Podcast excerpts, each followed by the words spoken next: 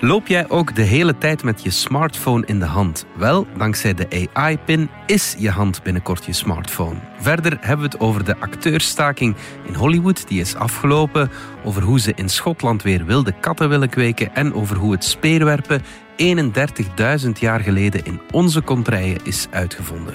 Ik ben Alexander Lippenveld en van de Standaard is dit Bits en Atomen.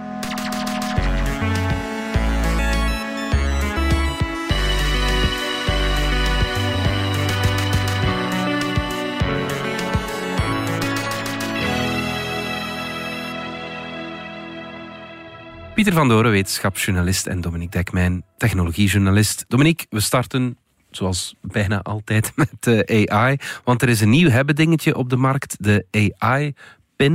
En het is wel iets interessants. Hè? Ja, ja, ja, een bijzonder nieuw ding. Dat hebben we niet zo vaak. Een, een nieuw toestel dat echt nieuw is. Dus niet mhm. gewoon een nieuwe versie, of een snellere, of een kleinere, of een meer gesofisticeerde, of een duurdere, maar iets helemaal nieuw, een AI-pin. En ja, over die naam hebben ze niet lang nagedacht, want die AI-pin heet gewoon de AI-pin. Van uh, het bedrijf heet Humane. En wat is het? Het is eigenlijk ja, een badge, een pin, een, uh, een soort noem je broche, een broche, zou je ook mhm. kunnen zeggen. Iets dat je op je hemd of op je revers, als je dat hebt, spelt met een soort magneetje. En dat magneetje waarmee je het vast zet, is eigenlijk ook de batterij. Dus er is mhm. echt wel over nagedacht. Is ongeveer 4 centimeter groot. Zo, hè. Luciferdoosje dat je dan uh, vastprikt op je hemd. Uh, vast pint met een mhm. magneet dan.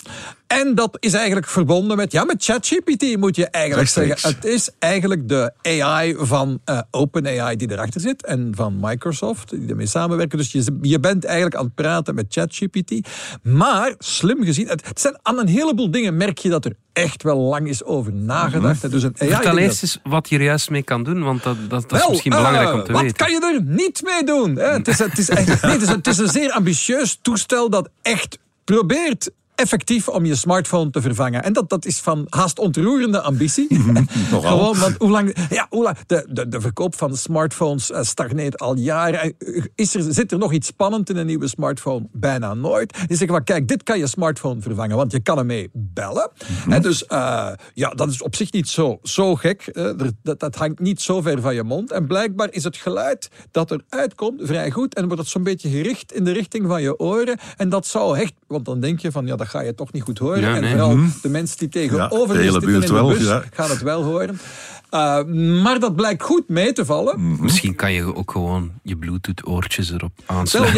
ja, het zou, ja. blijkbaar heeft het wel een Bluetooth-aansluiting, dus waarschijnlijk kan het ook met oortjes. Goed, je kunt ermee bellen, maar ik gebruik vooral het scherm. Ja. Wel, ja, en dat is dus net het punt. Je hebt daar een toestel zonder scherm. En enerzijds ja, dat bespaart heel veel plaats en zou je mm denken kostprijs. En ook wel, het bespaart ook dat je uh, helemaal geen gevaar hebt, hebt van opeens een uur van je dag te verliezen aan TikTok of Instagram. Mhm. En dus dat zouden sommige mensen die, die, die, mhm. een beetje die smartphone beu zijn en vooral dan die, die eigenlijk een beetje willen digitaal detoxen, kunnen aantrekken. We hebben hier plots een toestel waarmee je kunt bellen. En je kan eigenlijk via artificiële intelligentie heel veel doen dat je met een smartphone kan doen, maar er is geen beeldscherm bij. Mhm. Ja, dan, en dan vraag je je af, ja, maar als ik dan bijvoorbeeld een berichtje krijg, ja, dan wordt het natuurlijk ofwel voorgelezen, Okay. Maar dan heel kort, je gaat, er, je gaat een hele lange tekst kan je niet laten nalezen. Ofwel, het wordt op je hand geprojecteerd. Want dat is een klein ah, laserprojectortje in. Je houdt je hand dus voor die show En dan kan er zo'n klein boodschap op je hand verschijnen. Dus je hebt wel een scherm eigenlijk. Ja, en je kan zelfs een soort minuutje op je hand zien... waar je dan met je vinger uit kunt selecteren. Want er is dus een... Die badge heeft eigenlijk een camera die voor je uitkijkt. Het heeft een microfoon die alles hoort. En het heeft ook een laserprojector die dan uh, wat, wat tekst... of een soort basisminuutje mhm. op je hand... of vermoedelijk ook op een andere... Maar, maar kan projecteren. mooi resolutie kan dat toch allemaal niet zijn. Dat, dat is toch iets vrij basic. Uh, ah, nee, voilà, dus dat is eigenlijk om je uh, sms'je uh, te, te, te, lezen. En misschien ja, een antwoord te tikken op je hand. Maar geen filmpjes kijken of zo? nee, nee, nee. Filmpjes kijken is dan expliciet niet bij. Wat sommige mensen dus effectief zullen waarderen. En dus ja, de bedoeling is dat het je smartphone vervangt. Dus je hebt geen smartphone meer. Dus er moet dan ook wel een simkaart in zitten. Dat mhm. is dan zo'n elektronische simkaart. Maar die zit inderdaad ingebouwd. En je hebt, het toestel heeft een eigen telefoonnummer. En dat zal de kostprijs ook wel opdrijven. Eigenlijk, je moet er een abonnement bij pakken. Mhm. Terwijl het toestel zelf uh, zal zo'n 700 dollar kosten. Er zijn ook duurdere modellen die er een beetje hipper uitzien. Ongetwijfeld komt er dat ooit kost mijn phone niet. Ongetwijfeld komt er ooit een die er helemaal uitziet als de communicator uit Star Trek. uh, want hij ziet er al bijna zo uit. Maar, maar je zegt ze willen de smartphone vervangen, maar een van de belangrijkste functies van een smartphone voor veel mensen is de fotocamera. Je hebt er natuurlijk niks aan als je wel foto's kan nemen, maar, maar geen, uh, geen scherm hebt om, om ze te bekijken. Denk je dat het dat dat kan, de smartphone vervangen door dit dingetje? Ah, het is in ieder geval heel ambitieus. Mhm. Dus het is interessant dat iemand dat aandurft en durft te zeggen van dit, dit kan een vervanger zijn voor je smartphone. Vermoedelijk um, ja, denk je dan dat de mensen die, die het eerst voor zo'n AI-toestel zullen kiezen. Mhm. Ja, we hebben nog niet, eigenlijk nog niks gezegd over de AI, maar als je dus aan die digitale assistent iets vraagt, dan zou die bijvoorbeeld iets in je agenda kunnen zetten. dus een heleboel dingen die wij nu op het scherm doen, kun je wel degelijk vragen aan een digitale assistent uh, met stem. In de veronderstelling dat die digitale assistent veel slimmer is dan de huidige Siri of Google Assistant. Want mhm. Dat doe je dus nooit. Hè? Want als je AirPods hebt of andere slimme oortjes. Ik kan op mijn oortjes ook klikken en dan kan ik praten met de Google Assistant. Maar dat doe ik nooit. En waarom doe ik dat nooit? Omdat het niet werkt. Voilà, dat is juist het probleem. Stemcommunicatie heeft tot nu toe echt nooit gewerkt. Hè. Of goed genoeg gewerkt om uh, andere vormen van communicatie weg te duwen. Je kunt al lang je PC commanderen, ja, zelfs je oude PC's, maar het, niemand doet het. En het hmm. interessante is natuurlijk dat deze mensen hier al vijf jaar aan dat toestelletje bezig zijn. Maar sinds een jaar hebben we plots ChatGPT. Uh, die technologie bestond al ietsje langer, maar geen vijf jaar. En dus op het laatste moment is er eigenlijk een technologie gekomen die eigenlijk het denkbaar mhm. maakt dat je heel veel van de dingen die je op een smartphone doet, plots zult kunnen doen met zo'n toestel. Mhm.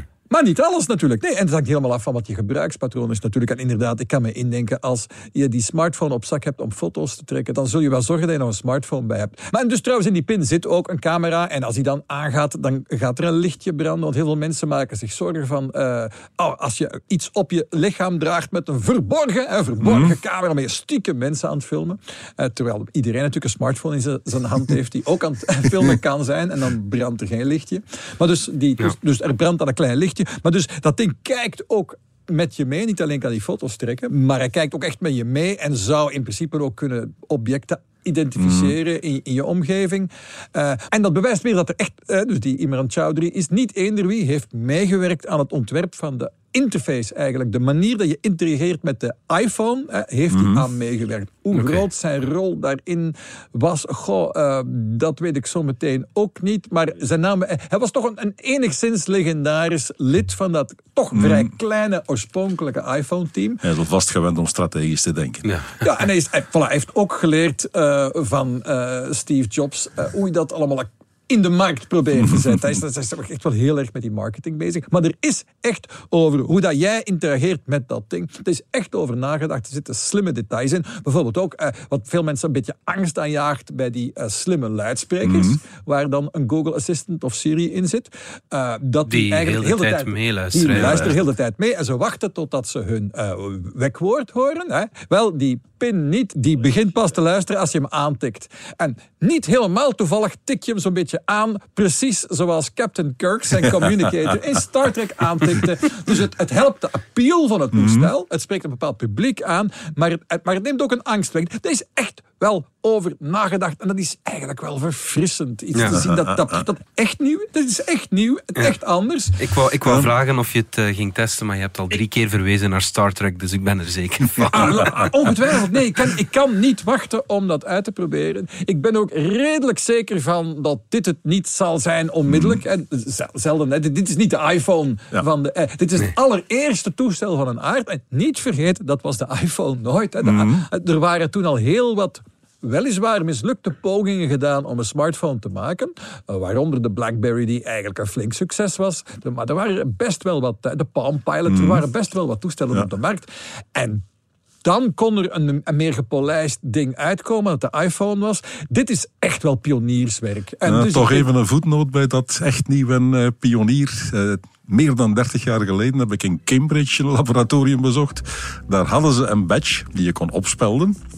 Die zorgde dat de deuren voor jou van het slot gingen. Die zorgde dat het licht aansprong in het lokaal waar je binnenkwam. Die zette je pc al meteen aan met, uh, op het scherm waar je gebleven was. En als je naar het koffiemachine toe ging, dan uh, begon de koffie al vast te lopen. En je kon op een knopje duwen om te zeggen, nee, deze keer zonder merk. Ja. Ik, ga, nog, ik ga nog iets straffer vertellen, Pieter. Ik was daar toen ook. En dat was de eerste keer dat we elkaar ontmoeten hebben, 30 jaar geleden. okay. Kijk nu eens, jongens. het iPhone-moment van bits en atomen eigenlijk. Oké, okay, goed.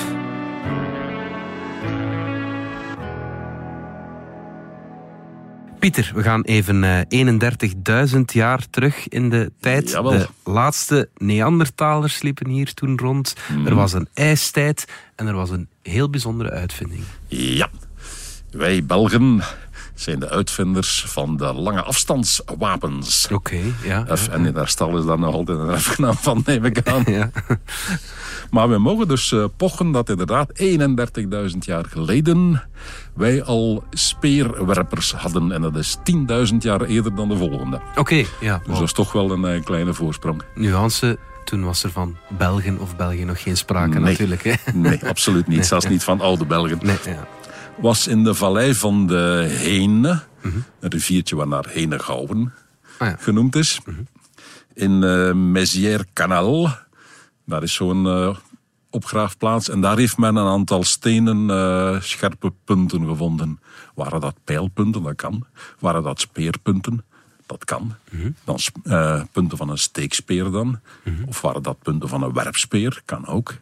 En nu blijkt dat het zelfs geen werpspeer was, maar dat het een speer was die met een hulptuig veel verder geworpen kon worden. Ah ja, Dat hulptuig heet atlatl, speerwerper.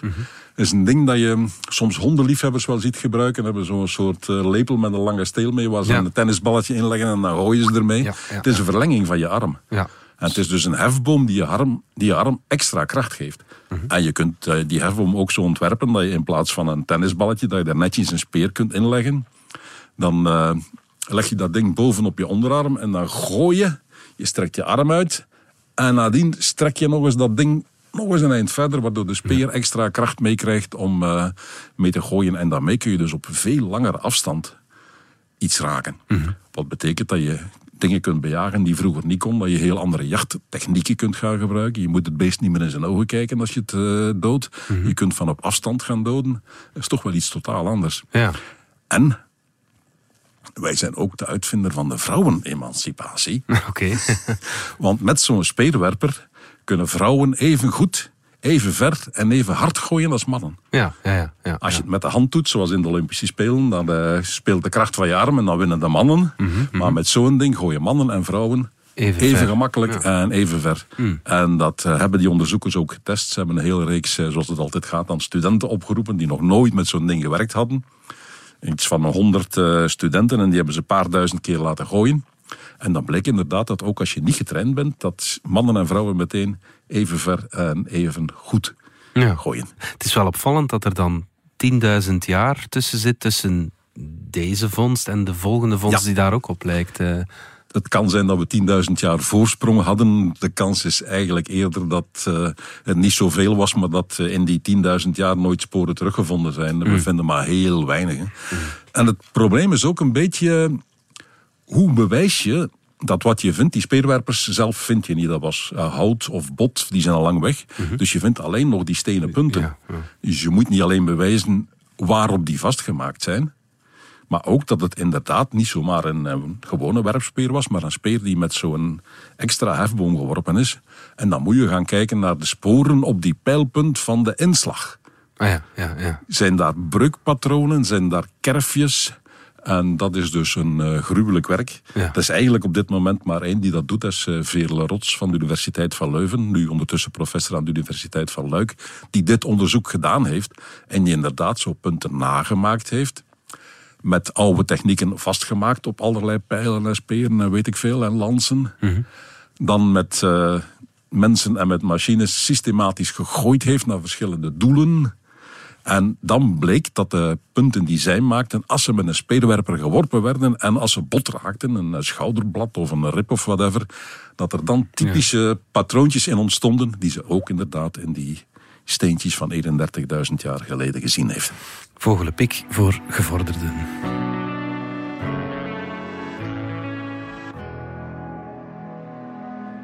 Dominique, in Hollywood is bijna vier maanden lang gestaakt door uh, acteurs. Het ging over hun loon, maar vooral ook over de rol van uh, artificiële intelligentie in uh, de sector. Daar is nu een oplossing ja, er was een, uh, een uh, vorige week een, een akkoord bereikt. Uh, maar wat men eigenlijk niet wist, is wat staat er nu eigenlijk in dat akkoord. het is nog geen definitief akkoord, want de leden van die organisatie moeten er nog over stemmen. En dus ja, intussen hebben we iets meer inzage gekregen in, in wat daar op papier staat. met name over AI.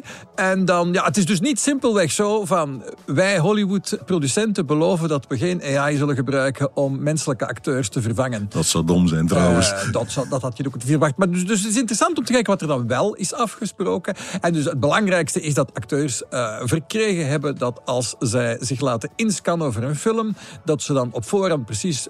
ten eerste dat ze ervoor betaald worden. Mm Dat ze, uh, een, een, dagje onder de scanner. Uh, misschien dat, dat gaat altijd wel sneller hoor. Maar nou, dat, is toch wel enkele, dat is toch wel enkele uren minstens studiowerk. waarbij ze dan van alle kanten gefilmd worden. Maar da daar worden ze dan alvast voor betaald aan een afgesproken tarief. En bovendien heb, hebben ze dan ook wel inspraak om te weten waar precies uh, dat die digitale versie van hen wordt uh, Geen seksscènes. Uh, ja, dat soort dingen, dat lijkt, lijkt me dan evident. Maar het gaat erover ja, dat er duidelijk op voorhand is afgesproken. We gaan die nu gebruiken voor bijvoorbeeld daar neer te storten op een planeet of zoiets. Ja. Iets wat je moeilijk zelf kan doen. of heel gevaarlijke uh, Tom Cruise, die doet al zijn stunts zelf. Dat wil ik ook zeggen. Tom Cruise die zal niet akkoord gaan. Ja, maar dat soort dingen. Maar, maar daar, daar moeten ze dan akkoord over zijn. En dan word je ook, eh, als je dan een, eh, als je digitaal wordt ingezet voor een scène die niet echt wordt gefilmd, word je wordt de acteur toch betaald mm -hmm. voor een equivalente scène. Mm. en dus komt hij ook op de aftiteling, neem ik aan komt, uh, uh, ja, zo wil het. Het, het. Dit gaat over eigenlijk mensen die al meespelen in een film, maar die ze voor de veiligheid inscannen voor het geval dat er achteraf nog een scène opnieuw gedaan moet worden. Mm Voor het geval dat een opname mislukt is, of dat er dan gewoon bijvoorbeeld scènes zijn die te gevaarlijk zijn, te moeilijk op te nemen, of het regent die dag, of wat dan ook. Hè. Dus uh, daar is duidelijk een afspraak over. En dat valt dan ook allemaal binnen het scenario van de film. En dan word je gewoon die dagen bijbetaald. Behalve als je al bijvoorbeeld voor 30 dagen betaald was en dan een van die dagen regent het ze kunnen de opname niet in het echt doen. En dan gebruiken ze jouw digitale versie om die scène digitaal te maken. Ja, dan is die dan is die scène sowieso al betaald. Dus dat wordt allemaal keurig geregeld. Uh, maar aan de andere kant heb je natuurlijk ook... Ja, de vrees van acteurs was natuurlijk eenmaal dat ze je hebben ingescand, mm. kunnen ze alles met je doen. Dat wordt dus geregeld. Aan de ene kant is er hergebruik binnen de film waar je al voor getekend hebt. Als je boos opstapt, hebben ze je scan nog en kunnen mm. ze inderdaad uh, de film nog afmaken. Ik denk dat dat ongeveer dat dat dan wel zou kunnen, mhm. want daar moet je dan denk ik al je akkoord voor gegeven hebben. Maar kunnen ze dan uh, een andere film maken en jou dan terug inzetten? Nee, dat kan niet. Dan mhm. moeten ze terug gaan onderhandelen met jou en toestemming krijgen. En voor die ingescande versie moeten opnieuw draaidagen betaald worden. Bovendien tellen die draaidagen ook mee. De minuten dat je in beeld bent als digitale versie tellen ook mee voor de royalties die je achteraf krijgt. Dus dat is allemaal redelijk goed geregeld. Ja. Aan de andere kant zijn er dan weer uh, ja, dingen waar sommige acteurs alvast niet blij mee zijn. Mm Eén daarvan is dat je dus wel degelijk zult kunnen digitale achtergrondacteurs, hè, figuranten kunnen ze nu mhm. wel door digitale vervangen. Daar moet over onderhandeld worden met de bond. Zou daar dan in, in, in het contract staan? Niet helemaal duidelijk wat dat betekent. Dus ze kunnen niet zomaar zeggen van we gaan geen figuranten inhuren voor die scène. Die zetten we er achteraf wel digitaal op. Want het gebruik van die technologie om mensen mhm. over acteurs, acteurs te maken, is duidelijk niet de bedoeling, maar het wordt ook niet verboden. Het wordt ook niet uitgesloten. Dus, dus ga er maar vanuit dat dat eh, zal gebeuren. Dat je vaker, hè, dat mhm. nu gebeurt dat al wel, maar dat je vaker zult zien dat de figuranten die achteraan in beeld of zo, dat die daar digitaal uh, zijn neergezet. Ja, en dat kost dan wel uh, geen geld, hè, want ja, aan wie zou je mhm. betalen? Zolang ze niet het evenbeeld zijn van een echt bestaande figuur, uh, moet er eigenlijk Dat lijkt mij al een materiaal voor veel ja. disputen, want ja. ja. bon, je kan iemand ontwerpen die dan toevallig op een andere... wel nee, dat is net het punt. Als, Van het moment dat hij op iemand lijkt, moet er iemand betaald worden en, moet er toestemming gevraagd worden. Dus dat, dat soort dingen zit er dan wel in. Uh, maar bijvoorbeeld uh, ook iets merkwaardigs dat er in de marge in staat. En dat is zeker niet iets dat acteurs gevraagd hebben, maar iets dat de producenten gevraagd hebben, is dat uitdrukkelijk de producenten toestemming hebben, mogen jouw acteerprestatie digitaal wijzigen. Uh, en daar kunnen straffe dingen nu binnen bepaalde grenzen. Hè. Dus ze kunnen nu niks doen, laten doen dat helemaal niet in het scenario stond. Maar zolang als het wel in het scenario stond, kunnen ze bijvoorbeeld jouw bewegingen in een opgenomen scène achteraf digitaal aanpassen. Wow. Die technisch kon dat. Hè, digitale postproductie, dat is iets dat bestaat. Maar dat wordt uitdrukkelijk uh, nu contractueel vastgelegd dat dat mag. En zolang het binnen de grenzen van het scenario blijft, kunnen ze ja, dus die acteerprestatie die je ziet, zal kunnen in de toekomst wat bijgewerkt zijn. Ah, ja, je was aan het zitten. Wel, we gaan nu hetzelfde laten. Alles blijft hetzelfde, maar dit keer sta je recht. Of dit keer beweeg je dan ietsje later met je arm. Of je mhm. maakt dat gebaar niet. Of je maakt wel een gebaar. Dat soort dingen zouden, bijwerken. zouden ze kunnen bijwerken op digitale manier. Dat, dat, ik wist dat het kon, dat had ik al gehoord. Maar ik vond het heel verrassend om te lezen dat dat nu uitdrukkelijk toegelaten wordt. Dat is ongetwijfeld, dus mm dat de producenten gevraagd hebben. Eh, en nog iets is ook... Uh, uitdrukkelijk toegelaten om jouw uh, gezicht digitaal aan te passen, zodat de lippen synchroon bewegen met de gedubde versie. Mm -hmm. dus, de, dus de toekomst, is, dat, dat wisten we al, die technologie bestaat, dat je kunt maken hè, dat Leonardo DiCaprio plots lipsynchroon in het, uh, in het Frans of het Spaans mm. of welke andere taal ook spreekt. Dat kun je online wel voorbeelden van zien. Maar dat wordt uitdrukkelijk gezegd dat ze dat recht hebben en daar moeten ze niet nog eens voor extra betalen of zo. Hmm. Dat zou kunnen betekenen dat ook straks eh, stemacteurs door AI vervangen worden. Wel, uh, de, dus die stemacteurs, daar heb je, heb je twee mogelijkheden. Van ja, ze zouden de gewone, de gewone stemacteur nog altijd kunnen gebruiken, wel degelijk. Maar daar zou je dan een deepfake stem voor in de plaats kunnen zetten. Die van Leonardo DiCaprio. Al dan niet, die al dan niet uh, aangestuurd wordt door een echte stem. Dus ik mhm. zou dan kunnen spreken en dan komt er de stem van Leonardo DiCaprio uit, maar die dan Nederlands spreekt. Dat kan. Of je zou dat allemaal volledig digitaal kunnen doen. Dat, uh, dat die echt automatisch omgezet wordt mhm. naar zijn eigen stem, die in een andere taal hetzelfde zegt, met ongeveer vergelijkbare intonatie. Al die dingen uh, bestaan dus duidelijk. En wat we nu eigenlijk uit dit contract leren is niet alleen bestaan die, of zijn die dingen uh, in ontwikkeling, maar we zullen ze uh, heel binnenkort waarschijnlijk in de zalen zien.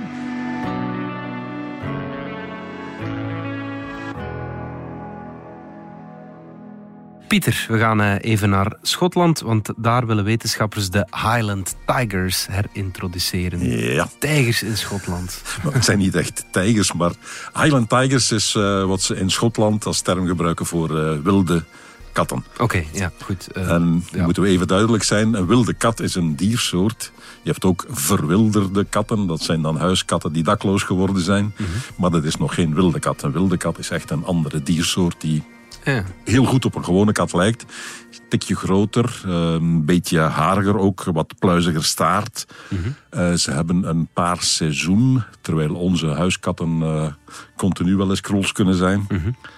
Ze zijn gestreept komt bij onze huiskatten ook voor, maar wij hebben ook gevlekte katten en zo. Dus het, het zijn echt wel uh, andere dieren.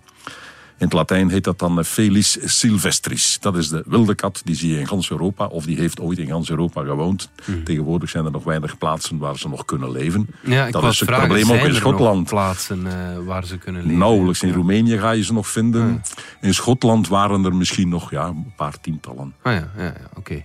En ook die zijn de jongste jaren gemengd geraakt met de huiskat. Mm Felis catus heet dat dan in het Latijn. Dus echt een andere soort.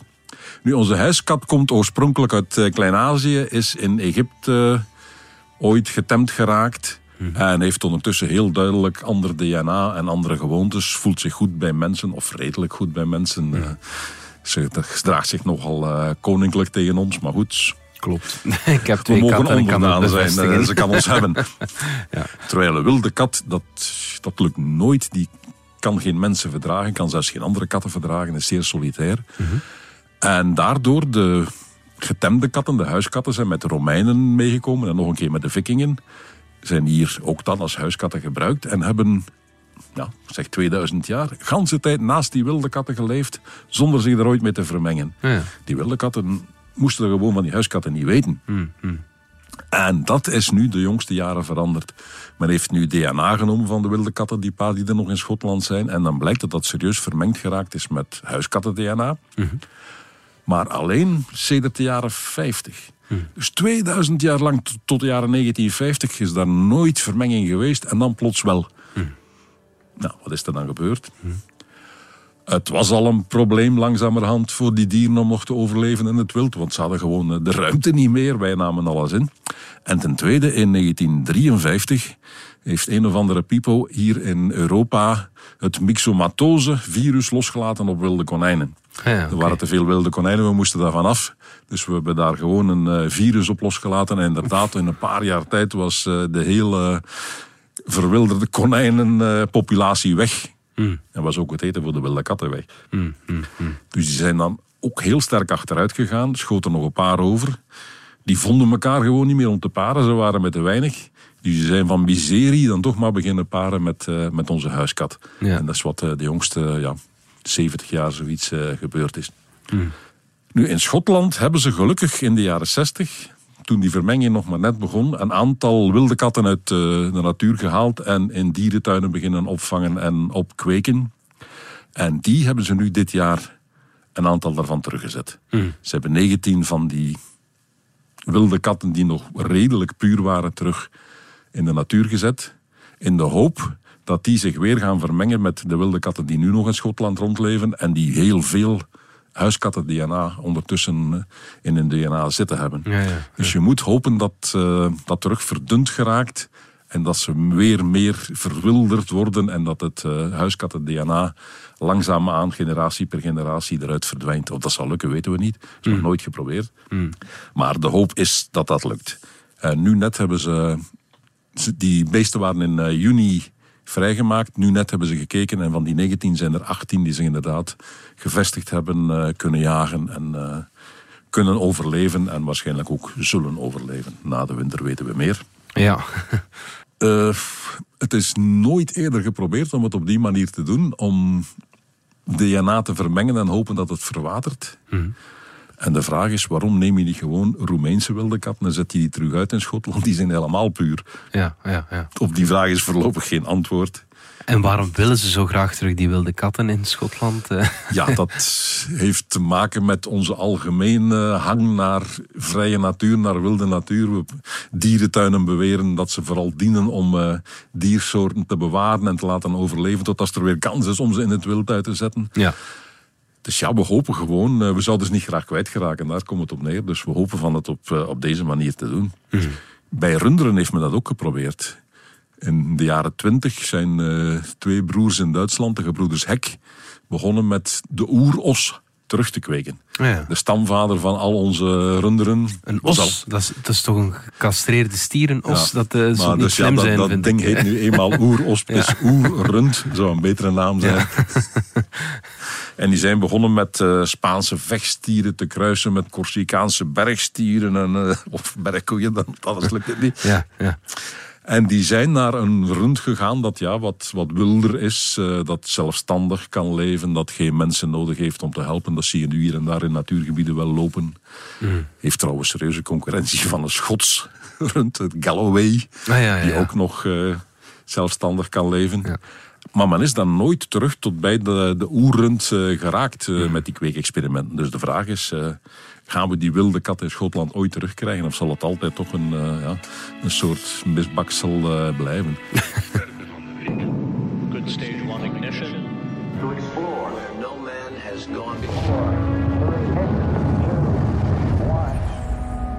Pieter, tot slot de ster van de week. Het is geen ster, het is gewoon één halte verder eh, de planeet Venus. Ja. Daar willen we heen, maar er zijn heel wat eh, praktische bezwaren. Ja. En Venus wordt ook wel eens de ochtendster of de avondster genoemd. Dus ja, het is een halve ster, zeg maar. Ja, Nu, wat is het probleem met Venus? Het is dat gloeiend heet, eh 475 graden eh, daar beneden. ja. Eh 90 keer de atmosferische druk van de aarde. Lood is daar een vloeistof. oké. ja. En regen, dat is daar zwavelzuur. Ja, ja, Dus ja, geen echt aangename omgeving. De Russen zijn er ooit in geslaagd om daar een ding te laten landen. Dat heeft twee uur uitgehouden en was dan eh, ja. compleet kapot. Werkte niet meer.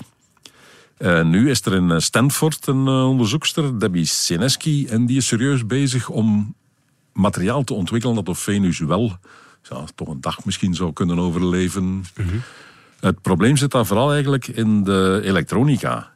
Silicium uh, bij dat soort hoge temperaturen houdt het niet goed uit. Dat is waar geleiders en zo uit uh, ja. gemaakt zijn. En, en, voilà, ja, waar ja. de halfgeleiders uit gemaakt zijn, waar je chips uit uh, maakt. En bovendien, die chips, je moet die onderling verbinden met draadjes. Mm -hmm. En dat zijn metalen draadjes. En waar dat metaal contact maakt met de chips, hier gaat dat, maar bij dat soort temperaturen begint dat metaal week te worden. Dat begint te diffunderen in die chips. Mm -hmm. En na de korte tijd is je elektronica om zeep.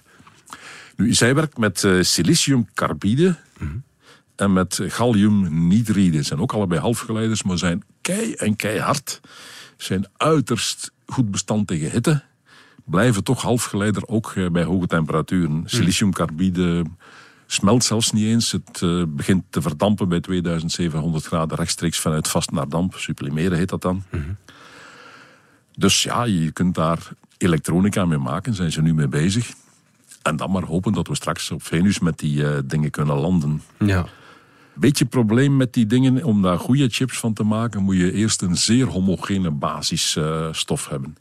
Bij silicium uh, kunnen we dat ondertussen op aarde heel goed doen.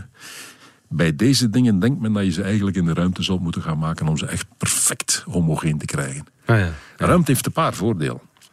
Um, als je hier op aarde kleine fijne deeltjes in suspensie doet in een vloeistof, is goed schudden en dat uh, is mooi verdeeld, maar je zet dat neer en het stof begint uit te zakken mm. en na een tijdje ligt het van onder op de bodem. Dat, heb dat je moet je niet uh, hebben. In de, in de ruimte heb je dat niet. Wegens geen zwaartekracht. Wegens geen zwaartekracht. Ja. Andersom, hele fijne luchtbelletjes of oliedruppeltjes. Mm -hmm. Goed schudden, dat je mayonaise. Mm -hmm. Maar met een beetje pech komt die olie bovendrijven. Mm.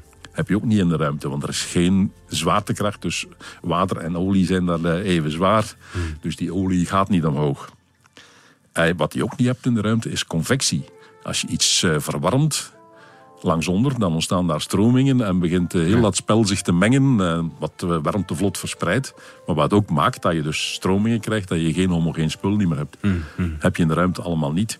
Men is daar nog niet aan siliciumcarbide toe. Men is daar met grafeen aan het uh, werken op dit moment, uh, velletjes van koolstof. En het blijkt dat je in de ruimte inderdaad heel homogene materialen kunt maken. Mm. Volgende stap wordt siliciumcarbide. Dan moet je daar chips mee maken. Dan moet je die in een ruimtestuk steken. En dan kunnen we misschien naar Venus. Ze weten wat te doen in het ISS. Goed, dank jullie wel. Dit was Bits en Atomen. Bedankt voor het luisteren. Volg ons op Spotify, Apple Podcasts of eender welk ander podcastplatform. In onze gratis app DS Podcast kan je niet alleen ons werk beluisteren, maar ook de beste podcasttips met zorg geselecteerd door onze redacteur Max de Moor. Alle credits van de podcast die je net hoorde vind je op standaard.be-podcast. Reageren kan via podcast.standaard.be. Volgende week zijn we opnieuw.